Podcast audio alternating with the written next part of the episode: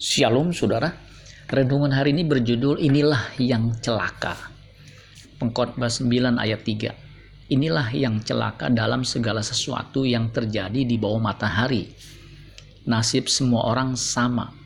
Hati anak-anak manusia pun penuh dengan kejahatan dan kebebalan ada dalam hati mereka seumur hidup. Dan kemudian mereka menuju alam orang mati Si pengkhotbah adalah raja yang penuh dengan hikmat.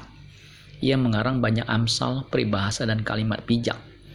Namun ia berkata bahwa hati manusia penuh dengan kejahatan dan kebebalan seumur hidup mereka. New King James Version menerjemahkan atau mengatakan seperti ini. Full of evil and madness in their hearts while they are live. Penuh dengan kejahatan dan kegilaan di hati mereka saat mereka hidup. Rasul Paulus menyebutnya hukum dosa atau kodrat dosa atau tabiat duniawi masih ada dalam diri setiap manusia termasuk dalam diri Paulus. Meskipun dia seorang rasul Allah ia mengakui bahwa kodrat dosa masih melekat dalam dirinya dan berpotensi meledak.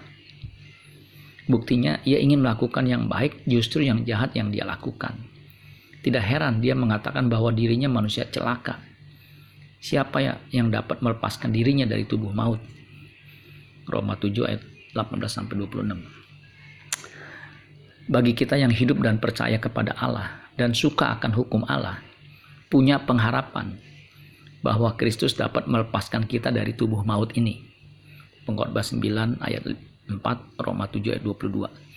Dengan kematiannya di kayu salib, hukuman dosa sudah ditanggungnya. Sehingga orang percaya punya kuasa untuk menanggulangi kodrat dosa. Roh Kudus akan memberi kita hikmat dan kuasa untuk bisa terlepas dari kodrat dosa. Sehingga kodrat dosa tidak lagi bisa hidup apalagi menguasai kita. Amin buat firman Tuhan. Tuhan Yesus memberkati. Sola Gracia.